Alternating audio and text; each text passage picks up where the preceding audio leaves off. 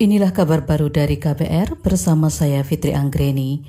Presiden Joko Widodo memerintahkan kementerian terkait segera mempercepat program jaring pengaman sosial atau Social Safety Net. Program ini dipercepat untuk melindungi pekerja harian dan informal yang terdampak wabah COVID-19. Sebab menurut Presiden program yang telah diinstruksikan sejak pekan lalu itu hingga kini belum terlihat implementasinya. Karena itu saya minta percepatan program sosial safety jaring pengaman sosial yang memberikan perlindungan sosial di sektor formal dan para pekerja harian maupun program insentif ekonomi bagi usaha mikro, usaha kecil betul-betul segera dilaksanakan di lapangan. Sehingga para pekerja informal, buruh harian, asongan, semuanya bisa memenuhi kebutuhan dasarnya sehari-hari. Presiden Jokowi menyebut program jaring pengaman sosial harus segera direalisasikan agar para pekerja harian dan informal terbantu karena kesulitan ekonomi akibat dampak virus corona.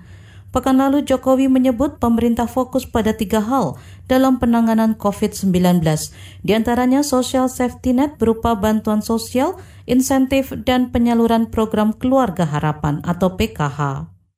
Komisi Nasional Hak Asasi Manusia Komnas HAM merekomendasikan Presiden Joko Widodo mengeluarkan peraturan pemerintah pengganti undang-undang untuk menguatkan legalitas penanggulangan COVID-19. Melalui pesan singkatnya, anggota Komnas HAM Koirul Ana menyebut Perpu diterbitkan karena peraturan pemerintah belum menjangkau semua sektor seperti perburuhan dan ketenaga kerjaan, lembaga pemasyarakatan, dan rumah tahanan. Komnas HAM juga meminta pemerintah segera melakukan karantina wilayah, pembaruan data situasional, serta merespon kelebihan kapasitas di lapas dan rutan agar tidak menjadi tempat penyebaran wabah COVID-19.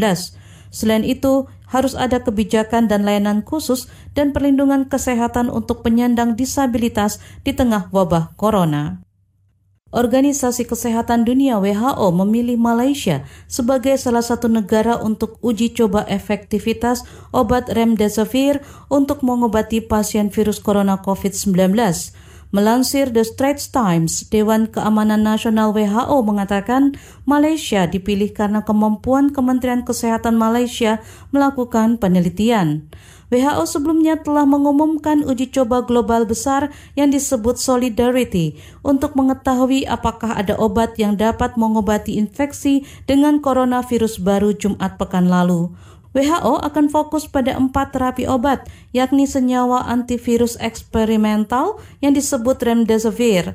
Tiga lainnya adalah obat malaria, kloroquine, dan hydrokloroquine, serta kombinasi dua obat HIV yaitu lopinavir dan ritonavir. Demikian kabar baru dari KBR, saya Fitri Anggreni, salam.